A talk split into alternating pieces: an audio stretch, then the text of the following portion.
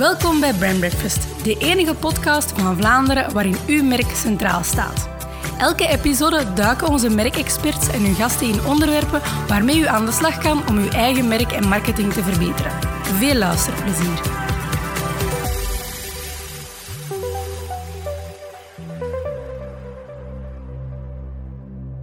Goedemorgen, beste luisteraars. Welkom bij aflevering 4 intussen al van onze Brand Breakfast podcast. Vorige keer uh, hoorde u mij met een gast uh, babbelen over branding. Vandaag zit mijn uh, oude trouwe maatje Michael terug bij mij om het over branding te hebben. Dag Mich. Goedemorgen Stef. Hallo. Ja, waar gaan we het eigenlijk over hebben in aflevering 4? Wel, we hebben weer drie topics geselecteerd, Stef. We zullen starten met iets actueel, de verkiezingen en meer bepaalde communicatie rond verkiezingen. Komen eraan, ja. Die eraan komen op 14 oktober. Um, we hebben ook een vraag binnengekregen uh, in verband met uh, KMO's en specifiek eigenlijk het aftoetsen van ideeën en concepten voor de merken van KMO's, hoe zij daar het beste uh, mee omgaan, wat zij het beste kunnen doen. Oké. En dan willen we eigenlijk ja, een beetje in lijn met het eerste thema het hebben over politiek correcte branding. Oké, okay, goed. Ik zou zeggen, laat ons er maar gewoon invliegen dan. Goed, Stef, uh, we gaan direct erin vliegen met het eerste thema. Uh, ik dacht het met jou eens even te hebben over de gemeenteraadsverkiezingen die hier aankomen op 14 oktober. Ja, niet lang meer, hè? Voilà, hè, dat is uh, nu wel geteld nog een tweetal weken voordat die mm -hmm. aankomen. Nu, we gaan ons niet wagen aan allerlei peilingen en zo, daar zullen we de experts aan het woord laten ja. de komende weken. maar wat ik wel eens interessant vind om te bespreken, is eigenlijk de communicatie die rond de verkiezingen plaatsvindt. Mm -hmm. En meer bepaald Hoe kandidaten eigenlijk vandaag de dag promotie voeren, of eigenlijk hun standpunten uh, naar voren brengen. Of met andere woorden, hoe dat zij mensen eigenlijk overtuigen om hun polletje aan te vinken in het uh, uh, verkiezingslokaal tijdens de verkiezingen. Ja, zeer actueel, want we zien ze weer overal hangen, wow. de affiches. Ze worden bestookt met filmpjes, met allerhande posts op sociale media. Mm -hmm. Ja, natuurlijk de vraag die we ons daarbij stellen is, ja, werkt dat eigenlijk allemaal wel? Hè? Voilà, inderdaad. De vraag is van, oké, okay, hoe voer je hele dagen campagne? Wat is eigenlijk het meest effectieve? Hè? Mm -hmm. uh, ik wil misschien beginnen, Stef. Ik heb daar uh, zelf wat research rond gedaan. Ik heb toevallig ook een heel interessant artikel teruggevonden. Okay. Uh, dat op 14 Nieuws stond. het is een artikel dat dateert van mei 2018, maar okay. nog steeds relevant is. Mm -hmm. um, waar men eigenlijk een interview voert met uh, politicoloog uh, Herwig Reinaert van de Universiteit Gent. En hem de vraag hebben gesteld van ja, denk je eigenlijk dat verkiezingsaffiches, uh, de, de, de, borden die je langs de kant van de weg ziet en de affiches die op allerlei ramen en vitrines omhoog gehangen worden, um, is dat nog effectief? Ja? nu, ik heb mijzelf die vraag al een aantal keer gesteld, eerlijk gezegd, van ja, heeft dat eigenlijk veel nut? Hè? Want je ziet zodanig veel borden hangen, uh, dat je de vraag moet stellen, ja, helpt dat echt voor de herkenbaarheid? Gaat dat echt mijn, mijn kiesgedrag uh, uh, beïnvloeden? Nu, Herwig zelf, of professor uh, Reinhardt zichzelf, van ja, kijk, die verkiezingsaffiche, dat is eigenlijk meer folklore dan iets anders. Maar ik ging net zeggen, dat, dat, dat doet toch niks meer, gok ik. Ik kan me niet inbeelden ja. dat iemand door straat wandelt, een affiche ziet en zegt van, oh, dat is een interessante kop, daar ga ik eens op stemmen. Voilà, dus eigenlijk uit, uit heel wat onderzoek blijkt eigenlijk dat die affiches uh, absoluut niet uh, uh, ja, relevant zijn in het kiesgedrag van mensen. Um, maar dat partijen er heel vaak voor opteren van kijk, ja, andere partijen doen het ook, dus wij kunnen toch niet ontbreken in het straatbeeld. Uh, mensen moeten toch weten dat wij ons verkiesbaar stellen. Ja, maar dat zij er niet tussen hangen op de borden in de gemeentes en in de tuintjes, de voortuintjes van mensen, ja, dan denken mensen dat ze niet meer opkomen. Dan, dan zou het een impressie kunnen wekken hè, dat je niet opkomt voor de verkiezingen. Um, natuurlijk, de vraag is, ja, um, ja stem je specifiek uh, op basis van hoeveel reclame er gevoerd wordt rond een kandidaat? Of ga je toch eerder ideologisch gaan kiezen voor, uh, voor een bepaalde partij? Um, denk eerlijk gezegd, ja, die affiches, de relevantie daarvan, ja, het zegt eigenlijk heel weinig over de standpunten of over het type van profielen um, ja, dat op... Van kandidaten, ja. ja. Ik heb wel eens wat campagnes gedaan, politieke campagnes, en die, die kandidaten die zeiden allemaal hetzelfde, van ja, ik doe dat inderdaad zoals je net aangeeft, mm -hmm. omwille van het feit dat iedereen het doet, en om, als reminder van hé, hey, ik besta nog, uh, Maar dat, dat werkt natuurlijk als je gekend bent. Ja. Wat is gekend? Hè? Ik wil zeggen, iemand die 200 stemmen haalt, is wellicht ook gekend en heeft in zijn netwerk ook die stemmen voor een stuk geronseld. Hè? Dat zullen meestal, het gaat voor alle duidelijkheid over gemeenteraadsverkiezingen. Ik denk dat dat nog anders is met nationale kopstukken of met regionale kopstukken. Ehm, ik heb mij ook al de bedenking gemaakt, Michael, als ik hier zo rond mij kijk in de omliggende straten van waar ik woon hier in Antwerpen. Ik vraag me af in hoeverre dat vaak ook niet, dus off topic, maar dat is wel een bedenking die ik mij maak, een deel identiteit van de bewoner van een huis is bijvoorbeeld. Je ziet hier aan de ramen heel Ja. veel affiches hangen van alle mogelijke strekkingen. Eh, ik vergelijk dat soms zo met mensen die op 11 juli de Vlaamse vlag buiten hangen, of die, die voor de Rode Duivel supporteren met een Dus Belgische vlag. eerder een statement. Ja, een statement van ja, ik hoor bij die club en eh, ik identificeer me met die of die ideologie. Maar laten we eerlijk zijn, op ideologisch vlak, zo'n gemeenteraadsverkiezing, ik denk dat dat minder speelt dan bij... Die standpunten bij zijn natuurlijk per gemeente gedefinieerd. Hè, dus Exact. het heeft minder te maken met de nationale partijlijn. wijken daar soms zelfs van af, denk ik, in sommige gemeenten ook. eh, ja, absoluut. Voilà, maar dan is natuurlijk ook de vraag van oké, die affiches, hè, daar is dus veel sprake over geweest van ja, moeten we dat nog toelaten of eh, partijen hebben ook al onderling overlegd, moeten we daar niet mee stoppen, de koer. Ja, dan is de vraag natuurlijk, wat zijn wel effectieve Ja, wat dan, wat dan wel natuurlijk. Nu, in het artikel staat bijvoorbeeld eh, dat die blijkbaar wel bepaalde effectiviteit hebben. Dat heb ik ook al gehoord. Eh, ja. natuurlijk, ja, het persoonlijk contact is daardoor eh, een stuk groter. Hè. Maar is dat niet de key met zo'n gemeente- en dorpspolitiek? Ik denk dat dat belangrijk is. Ik denk dat mensen stemmen op mensen die ze kennen van op café. Ja. Of, of bekende bedrijfsleiders uit de buurt. Wie staat er op zo'n lijst? Dat zijn ook geen nobodies die, Lokale figuren. die ergens in een keldertje weggestopt zitten. Hè. Dat zijn inderdaad lokale figuren die, die ja, buiten komen. Hè. Die, die je tegenkomt op festivals en op cafés en die, die een publieke rol vervullen, vermoed ik. Ja, absoluut. Eh, Ik denk dat vaak de voorkeurstemmen ook gewoon uit de eigen achterban komen. Hè. En dan spreek ik natuurlijk niet over de lijsttrekkers hè, en de, de echte bekende nationale figuren die sowieso Ja, die op tv komen ook en op de radio. Voilà, maar zeker gemeentelijk zal het, het aspect van kan ik die persoon, kan ik die vertrouwen, eh, daar ook wel een rol in meespelen. Nu, er wordt hier ook aangehaald sociale media natuurlijk. Hè. Logisch, het waarschijnlijk ook gemerkt. Dat was in de vorige gemeenteraadsverkiezingen al het geval, maar nu nog meer. Hm. Dat eigenlijk alle lokale kan- kandidaten toch ook proberen hun achterban aan te schrijven via social media. Ehm, nu, de vraag is daar ook van, ja, ik stel me daar soms de vraag, correct me if I'm wrong, Stef, is dat ook niet een beetje preaching to the choir? Hè?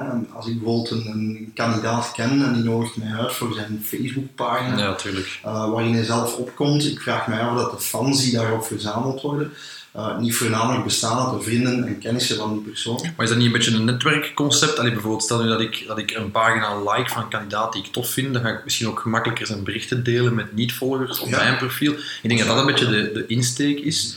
En ook daar ego wellicht. Hè. Allee, als ik lokale kandidaat was en ik zou van mijn, zeg maar wat, duizend Facebook-vrienden 500 van hen kunnen overtuigen om mijn pagina te liken, ja, dat zou mij toch wel een goed gevoel geven, ook al woont hij niet eens in het district waar dat hij op mij kan kiezen. Hè. Ja, ja, dat is waar. Ja. Ja, ik denk, ik vind er altijd een heel as- belangrijk aspect van. van eh, wat ik vaak merk is dat net voor de verkiezingen, vijf, zes weken ervoor, beslissen heel veel kandidaten van ah, we moeten social media gaan inzetten. We gaan eens snel een pagina maken of plots heel veel gaan publiceren Ja. over onze standpunten. Ja, ja, Ik stel me dan soms de vraag, zeker als je gepassioneerd bezig bent met politiek, wat veel van die eh, eh, kandidaten toch, toch, eh, toch doen, ehm, lijkt het mij efficiënter dat men daar ook in de loop van het jaar over communiceert. Hè. Ja, gewoon continu. Hè, Voilà, continu Zeker bestaande mandatarissen. Zeker bestaande mandatarissen inderdaad bepaalde thema's kunnen claimen, daar regelmatig over communiceren. Er komt ook iets geloofwaardiger over, vind ik dan persoonlijk. Dat is vooral dat, denk ik. Um, Ja. dan, dan iemand die plots voor, eh, vijf weken voor de verkiezingen plots zegt van ja, ik ga die media intensief gaan inzetten. Ik heb dat nu met die advertising ook. hè. Ik kan mijn Instagram niet open doen of ik krijg zo campagnes van de meest uiteenlopende van PVDA over groen tot CD&V en NVA. Alle strekkingen. Ik heb- Ze betalen er ook, ook voor. Hè. Waar dat vroeger ja, de grote billboards eh, werden gebruikt in het straatbeeld. Dat zie je dan weer niet meer, denk ik. Zo die 12 vierkante meter Ja, affiches. dat. Ik heb dat eigenlijk deze, ver- ik weet niet, eh, misschien jij wel, maar ik heb dat deze verkiezingen precies nog nergens zien hangen. Vroeger zag je dat precies meer, zo die grote... Oh, ik- denk net voor de, ja, wat is dat, de sperperiode, zeker, ja, eh, ja, heb ik al affiches gezien van, Ja, toch van die grote? Ah, specifiek, oké. of van het hele team dat erop staat, maar dat is dan lijst onafhankelijk. Hè. Dat gaat dan meestal over de promotor van de partij of de standpunten Ja. in Maar dat is misschien nog een belangrijke vraag die ik jou wil stellen. Eigenlijk heb ik nog twee vragen voor jou. Ehm, de eerste vraag misschien, hoe schat je dat zelf in? denk je dat mensen meer stemmen, ah, je hebt het juist al meegegeven, maar denk je dat mensen meer stemmen op personen of gaan ze denk, denk je ook echt research doen naar, naar hun standpunt? Dat is een heel moeilijke vraag natuurlijk. Ik denk dat je daar om te beginnen het onderscheid moet maken tussen welk type verkiezingen dat is. Ik zeg daarnet ook, ik denk dat dat bij een gemeenteraadsverkiezing of zelfs een provincieraadsverkiezing die we nu hebben in oktober, dat dat anders is dan bij een Vlaamse of een federaal of een Europese, maar dat precies toch wat verder van ons bed is. Mhm. Mijn indruk, en ik kan me erin vergissen, maar ik ben er vrij van overtuigd dat zo is, is dat men op gemeentevlak meer op mensen stemt Mhm. en op kleine dingen, micro-dingen, echt van ja, mijn eigen straat. Hè. Ja, Als ik ja, meer ja. bloembakjes wil, ga ik op de groene stemmen. Ja, voilà. Ja. Ook al ben ik geen groene jongen. Mhm. Of ik ken Josken of Pietje van op café en ja, die stond toevallig op een lijst van de NVA of van de CD&V of, of whatever. Hè. Dan denk ik dat, de, dat je geneigd bent om dat op die manier te doen. Allee, ik zie dat in mijn netwerk ook, hoeveel mensen dat mij benaderen van... eh, ja, goed wetende waar ik woon, maar ja, je gaat er op mij stemmen. Van alle mogelijke strekkingen zie je dat nu. Dus ik denk dat dat meer een, een, een, een zaak is van op, op mensen stemmen en ons kent ons. Hè. In, in alle eerlijkheid, allee, eh, we zitten hier eh, op dit moment in de studio in Antwerpen. Ik woon ook in Antwerpen. Ik denk dat dat hier misschien net iets minder speelt dan in een klein dorpje, Ja. eh, waar iedereen elkaar kent hè, en waar de burgemeester al twintig jaar dezelfde is. Ehm, dus daar denk ik dat het meer op mensen is. Ik denk bij andere verkiezingen dat het ideologische misschien ook wel iets meer meespeelt. Als het echt gaat over eh, grootste thema's, ik denk aan migratie, ik denk aan belastingen, ik denk aan mobiliteit, dingen die ja, niet onder gemeentebevoegdheid horen, dan denk ik dat het programma, maar ik kan me vergissen, hè, ik kijk misschien te veel hoe, hoe ik redeneer, eh, of mezelf betrap hoe ik redeneer, Ehm, dan denk ik dat dat op die manier eh, meespeelt. Ja, ik denk zeker op nationaal vlak kan je ook wel stellen dat een personal brand ook wel een invloed heeft. In die zin dat bepaalde kandidaten zich gewoon vereenzelvigen met bepaalde standpunten. Ik kan net zeggen, dat heeft vooral meer te maken met, met eh, het identificeren met een bepaalde ideologie. Ja, ik denk, allee, bijvoorbeeld de, de, de heer eh, Theo Franken is daar bijvoorbeeld een heel goed Ja, voorbeeld van. Je kan er voor of Ja. tegen zijn, maar die mens, ja, die, eh, die wordt gewoon geassocieerd met zijn migratiebeleid. Tuurlijk. Was dat met Marie de Blok bijvoorbeeld ook zo. Ja. Ehm, Maar die trekt nu toch ook een lijst ergens, hè? in Lübeck, als ik me niet Ik vergis. geloof van wel, Eh, ja. Ik weet het niet zeker. Oké, eh, misschien nog een afsluitend, Stef. Eh. We hebben nu gehad over een aantal eh, communicatiemiddelen voor kandidaten. Nu stel nu dat jij morgen zou opkomen. Hè. Ik denk niet dat je op een lijst staat. Daar Nee. niet van nee, nee. Ehm, hoe zou jij dat aanpakken? Hoe zou jij ervoor zorgen dat je er tussenuit steekt? Ja, wel, dat is zonder zever, Michael, een, een, een vraag waar ik al bijna twintig jaar over nadenk, als marketeer dan. Hè, maar ik eh, in alle mogelijke... eh, in alle mogelijke uithoeken van het spectrum al kandidaten en partijen geholpen heb bij campagnes. Ik heb me ook altijd afgevraagd, hoe zou ik dan nu, als ik nu carte blanche kreeg, wat zou ik nu doen voor die mensen? Of als ik ooit zelf opkom, wat zou ik dan doen? Ehm, ik begrijp niet goed nu dat die allemaal hetzelfde doen. Inderdaad, we hebben het gehad over die affiches, die social media. En ja, dat is tof, maar eh, ik denk dat de, de, de grote win, zeker met een gemeenteraadsverkiezing, ligt in dat persoonlijk contact. Inderdaad, huisbezoeken. Ik hoor dat van bevriende eh, lokale politici, dat die dat heel, eh, heel rigoureus doen. Ook markten en, en kermissen en weet ik veel wat gaan bezoeken. Ja, ik denk aanwezigheid in het verenigingsleven. Voilà, die visibiliteit in, in brede netwerken sowieso, maar inderdaad authentiek. Hè. Niet, niet de laatste weken voor de verkiezing eens een aftrap gaan geven Ja. op een voetbalmatch, maar inderdaad consequent daar in de tribune zitten. Ja, dat helpt uiteraard. Hè. Dat is, eh, andere politici doen dat, doen dat ook. Ehm, eh, ik vraag me altijd af waarom dat er zo weinig originele campagnes zijn. Je hebt zo elke gemeenteraadsverkiezing heb je dus wel zo een of andere mafketel die, die iets, iets, iets leuk bedenkt met, met zijn eigen naam of een grappige slogan die blijft hangen, ja, zoiets iets, iets humoristisch. Ik denk altijd, als ik nu morgen kandidaat ben hier in Antwerpen, dan maak ik eh, eh, bij wijze van spreken een, een parachute met mijn naam op en het logo van mijn partij en ik spring hier van de boerentoren. Hè. Dat, eh, Ja. Uiteraard mag dat niet, maar bon, arresteer mij maar. Hè. Dat is extra pers die ik dan krijg. Hè. Ik zou dat echt meer stunt terug aanpakken, denk ik, om wat aandacht. Zeker als je onbekend bent als politicus. Ehm, natuurlijk, ja, wat, wat, wat zien we in de plaats daarvan? Ja, je ziet geen originele campagnes, je ziet heel bittere... eh, eh, ja, modder gooien. modder gooien hè, via Twitter en zo. Dat is dan weer dat ranzige kantje van die sociale media. Het is heel goed om een breed publiek te bereiken met uw, uw, uw politiek verhaal. Maar tegelijkertijd zie je dat die persoonlijke aanvallen... eh, ja, dat is een, een spijtige evolutie, denk ik. Hè. Eh, Men noemt dat, het, de, de, dat de vertrumpsianing. Ja. hè. Eh, Het wordt helemaal eh Trumpsiaans allemaal. Ehm, ja, ik zou meer focussen op, als kandidaat zou ik meer focussen op, op, op originele dingen. Dus ik zou mensen mobiliseren om eh, weet ik veel wat, een, een, een, een, een, eh, had zo vroeger die flashmobs of zo. Enfin, ik ben maar gewoon laat op aan het nadenken. Ik zou, ik zou leuke dingen doen die, die opvallen, die misschien wat edgy zijn, hè, die bij mij passen misschien als kandidaat. Eh, ik zou zeker niet alleen vertrouwen op een, uh, een affiche dat na een kwartier overkladderd of overplakt is. Ja. Uh, en, en, en wat sociale media post. Ik zou proberen toch wel net iets origineler uit de hoek te komen. Voilà, oké. Okay. solide advies. Ja. Ik zou zeggen aan de kandidaten die opkomen, je hebt nog twee weken om met een parachute van de Boerentoren in Antwerpen te ja. maar Of iets legaal mag ook. Hè. Maar zorg inderdaad dat je er tussenuit springt. Hè opvalt, dat je uh, buiten komt. Ik denk dat dat de, de voornaamste zaken zijn die we zeker zouden meegeven.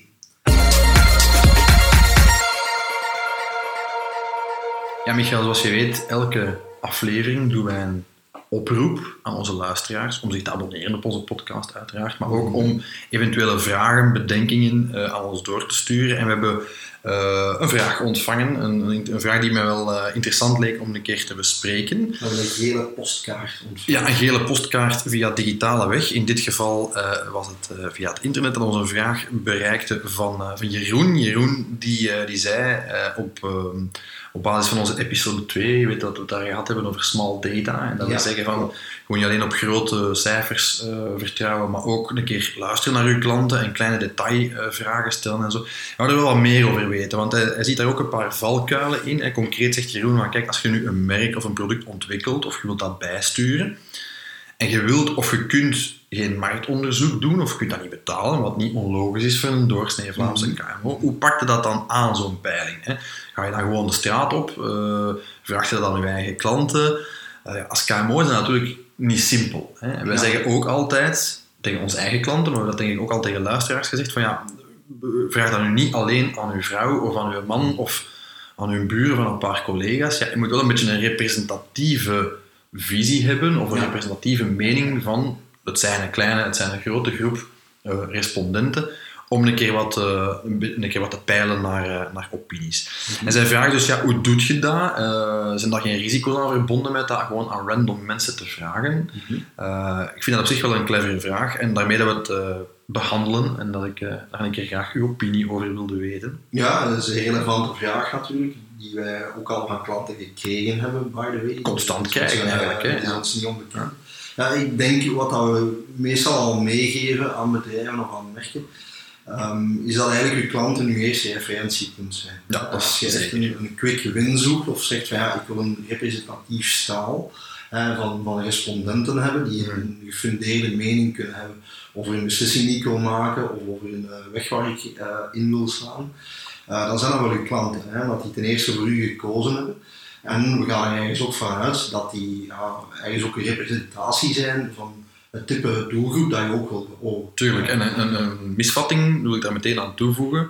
Uh, een misvatting die daarover bestaat, is van ja, die klanten die willen daar helemaal hun opinie niet over geven en ik ga die niet, niet mee aanbeteren. Ja. Inderdaad, in tegendeel. Heel veel mensen geven daar graag hun mening over, helpen u daar ook graag mee.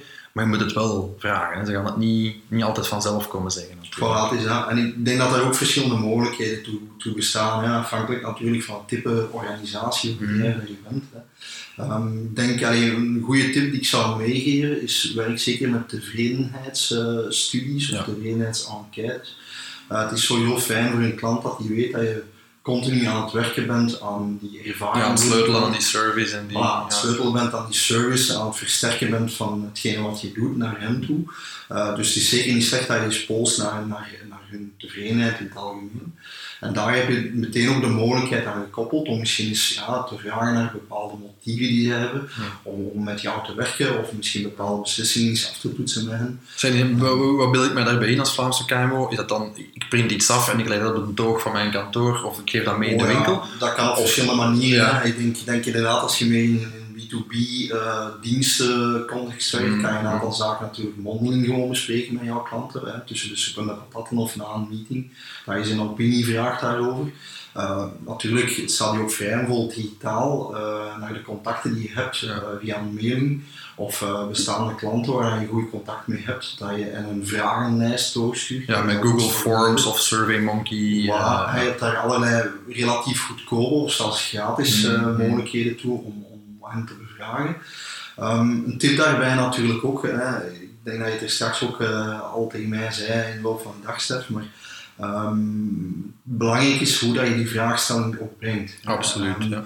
uh, de vraag is niet van ja, oké, als je bijvoorbeeld een bepaalde beslissing neemt, ik zeg maar iets uh, richting je logo, of je zegt van ik wil een naam veranderen of ik wil op een, een bepaalde manier gaan communiceren. Ja. ja vragen dan niet een ja-nee vraag, waarin je vraagt van ja, ben je tevreden hierover of ja. is dat iets wat je ziet zitten? Of vind je het een mooi nieuw logo dat ik heb laten maken? Een mooi nieuw logo. Ik denk dat je dan eerder moet vragen naar bepaalde motieven of eerder zou moeten polsen in het geval een voorbeeld van een logo van oké, wat, wat associeer je hiermee? Of uh, wat zijn uw eerste bevindingen daarover? Dat je een duidelijke motivatie en eigenlijk kwalitatieve redenering uh, dat je uitkrijgt. Maar ik denk inderdaad dat dat de belangrijkste takeaway is in, in, deze vragen van wie je ook bevraagt en hoe je dat ook doet, of met welke tools of welk medium. Ik denk het belangrijkste is inderdaad dat je motieven kent. Wij herhalen dat bij klanten ook continu en, en staan mij toe van dat hier op de podcast ook te doen. Van, je kan vragen van ben je tevreden over iets en dan krijg je een ja of een nee. Of je kan dat in zo'n typische schaal doen van 0 tot 10 bij wijze van spreken. Mm. Wat ik als marketeer of als, als, als ja, ik dat zeggen, merkspecialist uh, uh, het belangrijkste vind, is te weten waarom. Ja. Ik, ik, wil niet weten welk van de drie logo's jij prefereert. Ik wil weten welke je prefereert en waarom. En dan is eigenlijk inderdaad belangrijk om te weten van Goed, uh, die waarom, waar, waar ligt dat aan? Hè? Ik vind dat niet passen bij de values van dat brand of, of, of bij dat product, die verpakking, eh, afhankelijk van wat je aan het testen bent.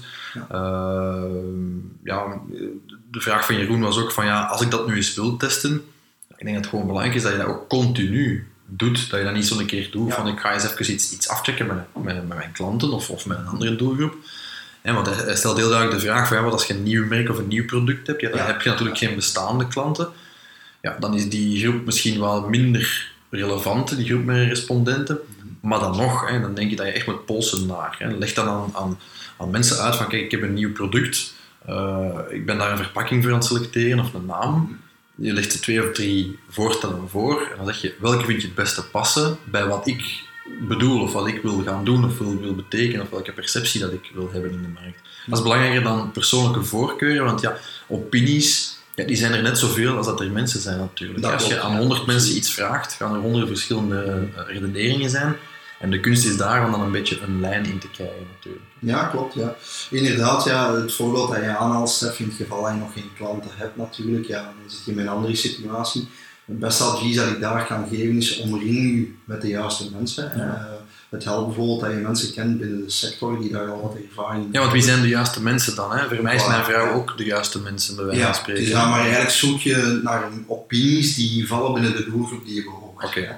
Um, zeker voor zaak, voor de mensen die kiezen om te ondernemen, hebben meestal wel mensen rondom hen die ook uh, die binnen dezelfde sector zitten of ook zelf ondernemen, ja. uh, waar je wel eens een opinie, een aftoetsing aan kan vragen. Mm -hmm. uh, natuurlijk, ja, 100% sluitend is dat niet, maar dat is nooit zo in ons vak. Zelfs al, al doe je een, een kwantitatieve studie bij 5000 respondenten. Ja, exact, um, bepaalde zaken moet je testen in de praktijk. Hè, dus, mm -hmm echt sluitend antwoord ga je nooit helemaal hebben. Dat is ook de reden waarom marktonderzoek in zijn algehele bestaan een beetje ja, onder vuur ligt, al van zolang als het bestaat. Hè. Want mensen ja, gaan ook wel eens sociaal wenselijk antwoorden op bepaalde voilà, dingen. Ja, maar, maar daarmee dat je inderdaad zegt, die interpretatie is heel belangrijk van die data. Hè. De, de, manier waarop je de vraagstelling stelt hè, uh, mm. is, is, heel belangrijk en hoe dat je het interpreteert, welke wordings je eruit haalt ook, uh, is denk ik ook heel belangrijk. Hè.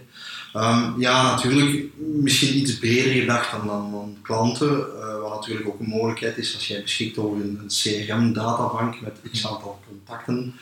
Uh, ik denk aan prospecten of mensen die op, op verschillende marketingmanieren uh, de data van gedistilleerd hebben. Ja, of mensen die geen klant geworden zijn. Of vaak mensen die geen klant geworden zijn. Um, ja, die kan je natuurlijk ook aanschrijven. Uh, er zijn natuurlijk ook mogelijkheden, ik zeg maar iets via sociale media kanalen. Dat je zegt van, ik heb nu recent vorig jaar voor een, een klant nog een hele survey opgezet via Facebook. Mm -hmm. waarin eigenlijk gevraagd werd naar communicatiepreferenties. Ja. hoe die het beste of het liefste aangesproken door ons worden. Welke thema's moeten we behandelen? Mm. Of vind jij een meerwaarde in die communicatie? Uh, ja, ook daar, als je een beetje engagement hebt bij je doelgroep, kan je daar ook wel heel interessante zaken uithalen. Juist. Uh, maar dan gaan we natuurlijk ook weer uit dat je een stuk een community hebt of een, of een databank. Of, ja.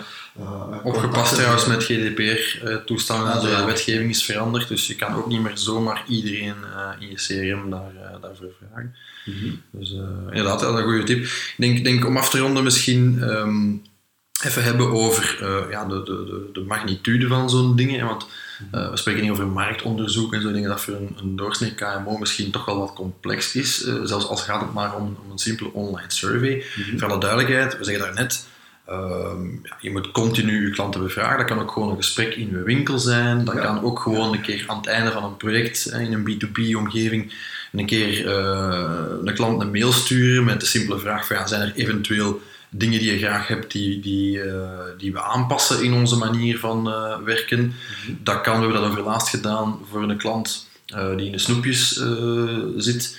Hebben we gewoon een keer op Facebook gevraagd aan ons eigen netwerk. Natuurlijk, dat is beperkt, maar in dit geval was dat wel relevant. Mm -hmm. Het ging over, over mellows, over spekken snoep. Uh, daar gewoon gevraagd van ja, kopen jullie dat eigenlijk? En zo ja, waarom? Hè? Als ingrediënt uh, in, in, recepten of om zo te snoepen. En wie eet dat dan? Zijn dat dan de ouders of de kinderen of heel het gezin? Ja. Dat was een heel, heel kleine onnozele vraag met een fotootje van wat van die uh, gekleurde spekjes bij. En we kregen daar eigenlijk op een paar uur tijd al heel wat relevante informatie uit, die eigenlijk bevestigde wat we al dachten. Dus ja. ook van die kleine dingen, een poll op Twitter, een bevraging in een LinkedIn-groep bijvoorbeeld, kunnen ook al goede manieren zijn, zeker als KMO. Is, uh, dat ja. is daarom niet academisch nee, correct, exact, hè, statistisch relevant, maar volledig representatief is, maar natuurlijk voor een KMO kan zo'n indicatie, of voor vijftigtal mensen die, die binnen die doelgroep vallen, die een opinie vormen, kan al, kan al een goede sturing zijn of een bevestiging. Of een bepaalde tendens blootleggen die je exact, in een trendrapport gelezen hebt over je sector of over een white, in een whitepaper ergens. Uh. Klopt, want je, je haalt daar ook iets aan, Stef. Um, soms is het ook een kwestie van altijd het warm water zelf willen uitvinden. Er staat heel veel. Er staan ook wel wat cijfers, ook academische studies over sectoren. Uh, nu dat vergt wat zoekwerk natuurlijk. Hè. Wij zijn er nu als agentschap uh, in gespecialiseerd Klopt, om dat soort studies op te zoeken en te interpreteren. Uh, maar kijk zeker ook eens bij vakvereningen. Hè. Abonneer u op, op blogs, op nieuwsites binnen uw sector. Om een vinger aan de pols te houden van trends die leven, van studies die verschijnen. Um, je zou eigenlijk versteld staan, zeker op internationale context, wat eigenlijk verschijnt van informatie. En hoeveel dat eigenlijk aan knowledge sharing gedaan wordt. Uh, dus ook daar is het een kwestie, denk ik, als ondernemer, zeker als KMO, om goed in de gaten te houden van oké, wat werkt er op grotere schaal ook, wat, wat doen andere bedrijven in een sector, uh, wat zijn trends waar ik op kan inspelen. Ja, dingen die ik uh, moet vermijden qua valkuil. Exact, ook dat is voor mij een stukje marktonderzoek. Ja. Hij is gewoon actueel mee zijn met de zaken en eigenlijk je sector een beetje proberen voorblijven. Ook. Juist. Ja, toen me aan het denken, laatste tip uh, die ik in het verleden wel eens heb toegepast uh, voor KMO's, ja, is, is, is daar iemand op zitten, dedicated. Hè? Ofwel, de zaakvoerder heeft daar meestal geen tijd voor, voor dat soort uh, dingen echt in detail te gaan bekijken. Maar niks zou nu tegen natuurlijk om, om een keer een stagiair ja. of een jobstudent daar eens op te zetten en eens goed na te denken over wat kan ik aan mijn klanten vragen. Belangrijk is in elk geval, dat kunnen we niet genoeg herhalen, dat je voldoende dat contact met klanten houdt en ook apprecieert. Hè, en mensen ook bedankt voor deelname, of eventueel als een incentive als ze bereid zijn mee te werken. Uh, ik zeg maar altijd een kleine korting of een, een bioscoopticket of, of, of zie je van, van incentives, hè, van alles en nog wat. Ja. Uh, maar in elk geval, uh, beste luisteraars en beste Jeroen, absoluut um, luister naar uw klanten, luister naar uw doelgroep en bevraag ze, niet één keer, maar eigenlijk continu maak daar een gewoonte van. Dat is ja, small data in de praktijk. Ook voor een KMO, dat hoeft echt niet zoveel te kosten of zelfs niks, als je dat een beetje clever aanpakt. Michael, wij hebben het daarnet al gehad over politiek, in de wezen zin van het woord, met de verkiezingscampagne. Uh, eigenlijk gaan we het terug hebben over politiek, maar in een heel andere manier, namelijk politiek correcte branding. Ja. Um, heel concreet, um, iets dat mij continu opvalt als marketeer, is hoe merken zich moeten plooien en draaien en keren naar alle gevoeligheden. We leven in tijden van MeToo, we leven in tijden van uh, genderfluiditeit, we leven in tijden van uh, meer aandacht voor uh, LGBTQ-rechten en, en, racisme. Die, dat zijn allemaal zaken die, die veel in de media zijn, die veel worden aangepakt. En ik heb de indruk dat merken daar ook heel veel, heel veel meer dan vroeger op worden afgerekend. Dat de boodschappen die ze uitspelen daar belangrijk zijn. Ik denk zo automatisch aan de, de heisa die er geweest is om een campagne van H&M enkele maanden geleden. H&M die daar een, een, een campagnebeeld had met een, eh, een jongetje, een zwart jongetje, die een trui aan had waarop stond eh, Coolest Monkey in the Jungle. Eh, daar is toen waanzinnig veel kritiek op geweest, waanzinnig veel backlash. Ik denk aan de zeer recente case van Nike, met Kaepernick, geloof ik dat die heet. Die, eh, die voetbalplayer, eh, misschien even eh, de case erbij halen. Dus een voetbalplayer die op een gegeven moment, omwille van ja, uitspraken van Trump en Black Lives Matter en weet ik veel wat allemaal, beslist om tijdens het volkslied, het Amerikaanse volkslied, dat traditioneel voor elke wedstrijd gespeeld wordt, ja, dat hij niet meer gaat meezingen met het hand op het hart, maar hij knielt. Hè, dus is een andere, een andere in- invulling van dat concept eigenlijk. Je ziet dan dat president Trump daarop springt en eh, ja, al die hoerenzonen, en ik citeer even, hè, die hoerenzonen van spelers geen respect hebben voor de Amerikaanse eh, identiteit. eh.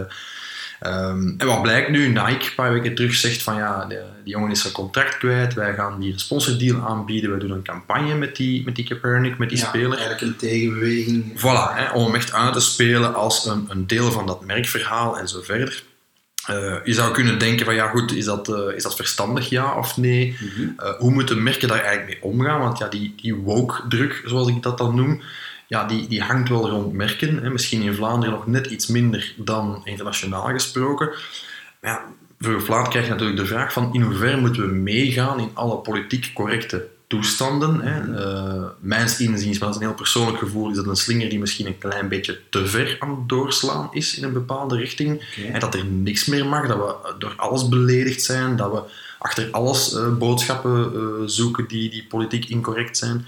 Ja, in hoeverre moeten merken daarin mee? Mhm. En ja, hoe ga je daarmee om hè? Met, met kritieken die je krijgt als merk? Mocht het ergens fout gaan of mocht je ergens van iets eh, beticht worden dat misschien niet helemaal bedoeld is. Hè? Ja, het is natuurlijk een heel gevoelig terrein hè, waar we ons op begeven. En ik denk dat je bepaalde maatschappelijke trends als merk ook niet uit de weg kan gaan. Hè. Ja. Er is voor die thema's ook eh, meer aandacht. Dus het spreekt voor zich dat je daar ook ergens ja, de tendens of de, ja, het gevoel dat eigenlijk leeft in de maatschappij daar voor een stuk gaat volgen. Ja, maar is dat zo? Ik weet dat niet. Is dat per se zo? Moet, je dat per se volgen? Je kan ook als merk zeggen, ja, wij, staan daar, wij staan daar buiten. Wij, wij, eh, wij hebben een merk, we hebben bepaalde values en we spreken een bepaalde doelgroep aan. En dat is niet noodzakelijk politiek gelieerd of daar is ook niet noodzakelijk een boodschap in. Maar ik denk dat je het daar wel zegt. Hè. Ik denk dat je je bewust moet zijn als merk of als bedrijf van bepaalde gevoeligheden die Ja. er zijn. En dat je dat ook wel moet vermijden, zoveel mogelijk. Het advies dat ik meestal geef, ook in trainingen naar klanten, eh, is eh, ja, wijk daar zoveel mogelijk van af. Waarmee ik bedoel, van, ga je niet te veel politiek uitspreken of Mm. daar een bepaald standpunt in innemen. Ehm, ik denk bijvoorbeeld ook aan, aan zaken, dat is nu iets compleet anders, maar eh destijds de aanslagen in Zaventem. Ja. Ja, oké, dat heeft dan niks te maken met, met iets cultureel, trendmatig, maar natuurlijk wel een hot topic geweest. Ja, is, het, is, het, is het nodig als merk om daarover te communiceren? Ik denk in de meeste gevallen niet. Hè. Natuurlijk moet je daar wel rekening houden met de gevoeligheden die dan spelen op zo'n moment. Ja. En natuurlijk je content op dat moment ook voor een stuk daarop, daarop aanpassen. Maar ik vind het niet nodig dat een merk per se over elke eh, maatschappelijke issue een, een standpunt Ja, op elke hashtag MeToo en elke hashtag Je, suis Voilà. Charlie eh, opspringt. eh, Ik denk trouwens ook niet dat, dat klanten daar per se altijd naar op zoek zijn. Nee. Eh, nu, je hebt wel ook uitzonderingen, want daar wil ik er ook wel aan toevoegen. Ehm, de, de cases die je aanhaalt, eh, de eerste case eh, van H&M was eerder een toevalligheid, denk ik. ja, Eh, compleet de zeker- getrokken Voilà, eigenlijk. was, was, was iets wat zij zeker zo niet bedoeld hadden, denk ik. Mm. Hij is een beetje uit context getrokken ook. Ja.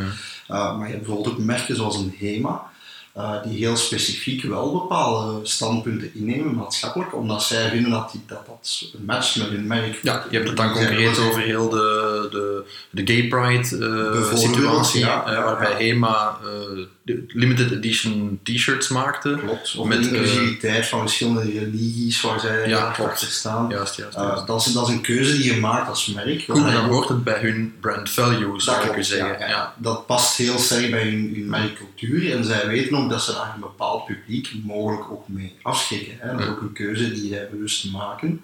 Uh, ze zeggen van kijk, dit is het type merk die we willen zijn en daar staan we achter. Ja. Uh, in het geval van Nike, het voorbeeld dat je meegeeft, denk ik dat een soort gelijk verhaal is. Ja, er was even paniek. Dus uh, marketeers zeiden van oei oei, hè, mensen beginnen de logo's, Nike-logo's uit hun kleren te knippen. Ja, er was online een hele reeks posts van mensen die Nike-schoenen verbranden en dat op hun sociale media-kanaal deelden. Mm -hmm. Tegelijkertijd blijkt het achteraf wel, wel een win te zijn. Hè, dus, ja, er is ook heel veel sympathie mee gewonnen. Hè, exact. Er is, ik heb de straks de cijfers eens gezocht, 31% stijging in de online sales oh, in de week na de lancering van die campagne, wat toch wel frappant is. -hmm. uh, nu, ik denk in het geval van Nike dat ook wel het, het, het, het anti-Trump uh, ja, verhaal in de States zal daar ook wel, ja, zal ook wel in meespelen. Maar inderdaad, zij, zij koppelen hun merkwaarden, hun brand values, hun value proposition die ze voor hun doelgroep in de markt zetten, ook effectief wel aan, aan dat soort topics. Dat zie je bijvoorbeeld bij Ben Jerry's ook, hè, die ja, heel ja. specifiek inspelen op die vegan trend en op alles wat duurzaamheid is en ecologie is en zo. Maar daar klopt het verhaal. Ja. Uh, het HEMA-verhaal ook, hè, als jij zegt van goed, uh, wij zijn pro-pride en wij zijn pro-equal rights voor gay community en ja, dan, dan kan je dat inderdaad wel ondersteunen door als braaf Hollands merk uh, t-shirts met uh, rookworst, love rook, rookworst uh, te verkopen. dat heeft daar heel erg gewerkt, hoewel het wellicht ook een deel van hun doelgroep zal afgeschikt hebben op een of andere bizarre wijze. hoe sta je daar zelf tegenover, Stef? Want allee, heb je zelf het gevoel dat, dat, dat merken daar meer een keuze in moeten maken? Moeten durven zeggen van oké, okay, we, we kiezen voor een bepaalde doelgroep die het eens is met, met zekere standpunten. Ja.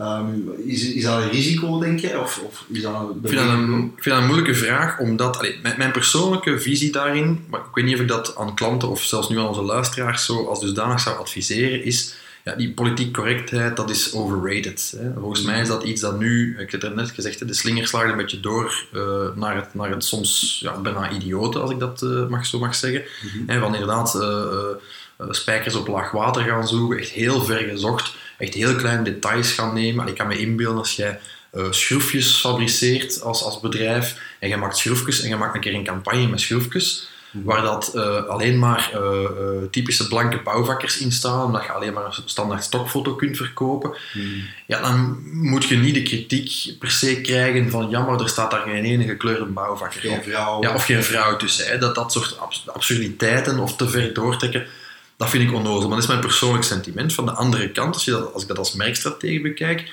denk ik uh, dat dat echt moet kloppen bij uw verhaal. Hè? Dat het uw propositie niet mag verzwakken. De reden waarom we het hier vandaag ook bespreken is een zeer recente uh, berichtgeving, namelijk de Weight Watchers. Dat is een bedrijf dat al 55, 60 jaar bestaat. Zeer gekend merk. Zeer gekend merk, wereldwijd. Dat is een beetje zoals Tipex en zo. Dat heeft... Uh, ja, uh, dat is gewoon in, in, onze, zal ik het zeggen, dagelijkse taal geslopen. Mm -hmm. hè, ah, en volgt een Weight Watchers, dat wij telt de puntjes. Mm -hmm. Deze week kwam het bericht dat Weight Watchers gerebrand wordt naar WW, hè, WW in het Engels. Uh, omdat uh, het bedrijf aangeeft dat er heel wat backlash is, heel wat kritiek is op het feit dat ze te veel focussen op gewicht. Mm -hmm. Gewicht is maar uh, een, een, cijfer op een weegschaal. Uh, een deel van de gezondheid. Ja, ja. en dus je moet meer op health focussen. Okay, ja. Daar volgens mij, net omwille van de propositie, als je dat de Golden Circle gewijs bekijkt, en wat probeert men eigenlijk te doen, en die gezondheid uiteraard is het einddoel, maar hoe ja. doe je dat? Ja, door gezond te eten met Weight Watchers, ergo door gewicht te verliezen. Hè. Mm -hmm.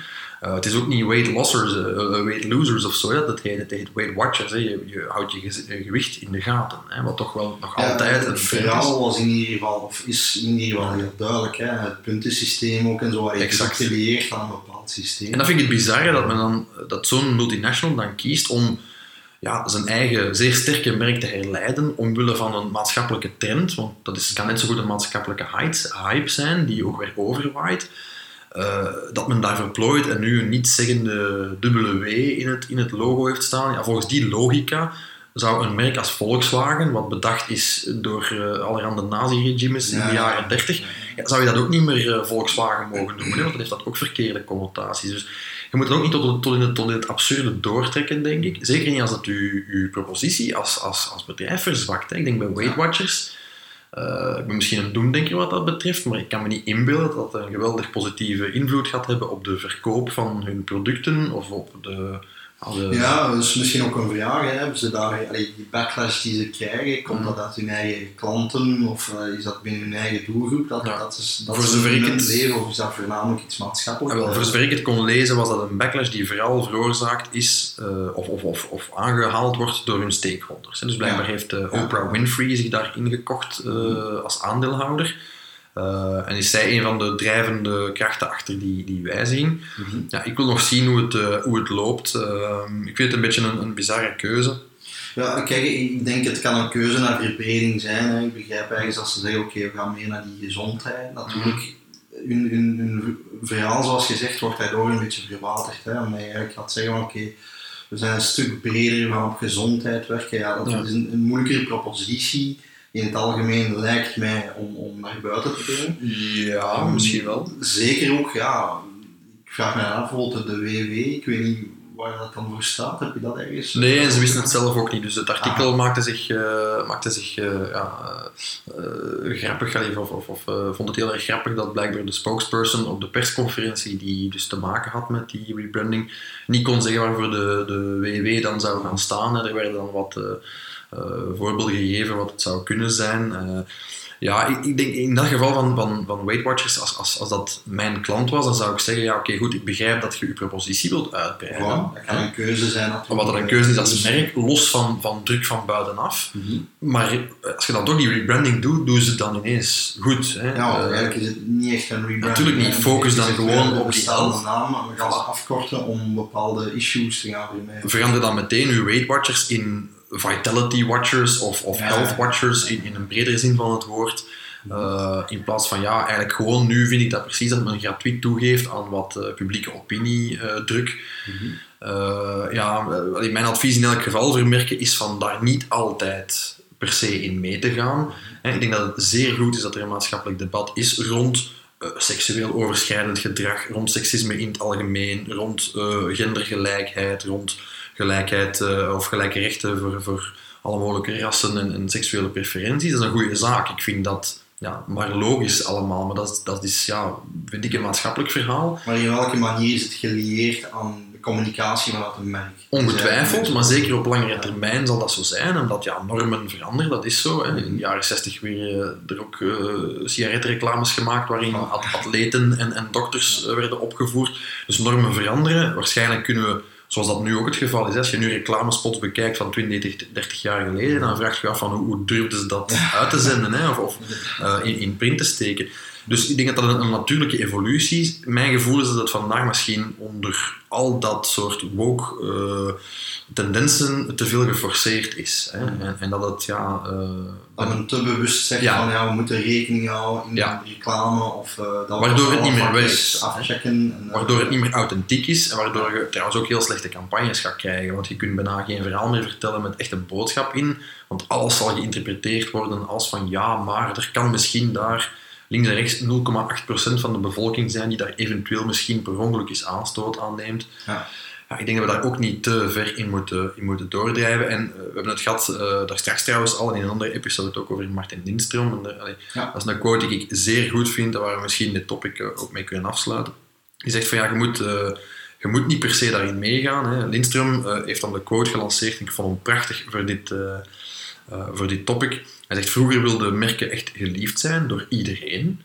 Vandaag en in de toekomst gaan merken moeten kiezen van ja, eh, hoe pakken we het juist aan, onze propositie, eh, zodat we geliefd zijn door een bepaald deel van de consumenten ja. en gehaat worden door een ander deel van de consument. Hè. Wat je niet wilt is dat, ja, is, is, is dat het genegeerd wordt als merk. Ja, hè. dat het te, te vaag is Voilà. of te plain is. Voilà, onder het motto love it or hate it, but don't ignore it. Hè. En ik denk bijvoorbeeld Nike is een goed voorbeeld. Hè. Je hebt heel wat haters gehad. Ja, het heeft hen geen windeier gelegd. En het heeft de propositie van Nike als merk wel versterkt van kijk, wij pikken het niet.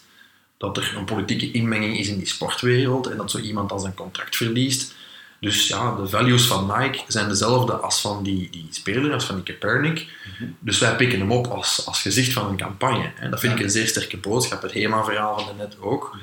Dat vind ik helemaal anders dan gewoon plooien onder maatschappelijke druk. En dan ja, voor iedereen willen goed doen, want dat lukt toch niet. Oké, zeer duidelijk, Stef. Dankjewel voor je inzichten. Voilà. Graag gedaan. Voilà, ja, misschien om af te ronden. eh, u mag het er uiteraard mee oneens zijn. Is eh, mijn visie of die van Michael. Eh, dat geldt trouwens voor andere, andere topics ook. Ik zou zeggen, abonneer voor meer afleveringen. Beluister ook zeker de vorige als u dat nog niet gedaan heeft. Eh, binnenkort kondigen wij ook weer wat gasten aan, maar intussen tijd aarzel niet voor ons te contacteren Zeker. op uh, hello at brandbreakfast.be met uw vragen, opmerkingen, uh, bemerkingen, whatever. Uh, of via sociale media met de hashtag brandbreakfast op een medium naar keuze. We zien het wel ergens opduiken dan in dat geval. In elk geval bedankt voor het luisteren en graag tot de volgende keer. Tot de volgende keer. Dag.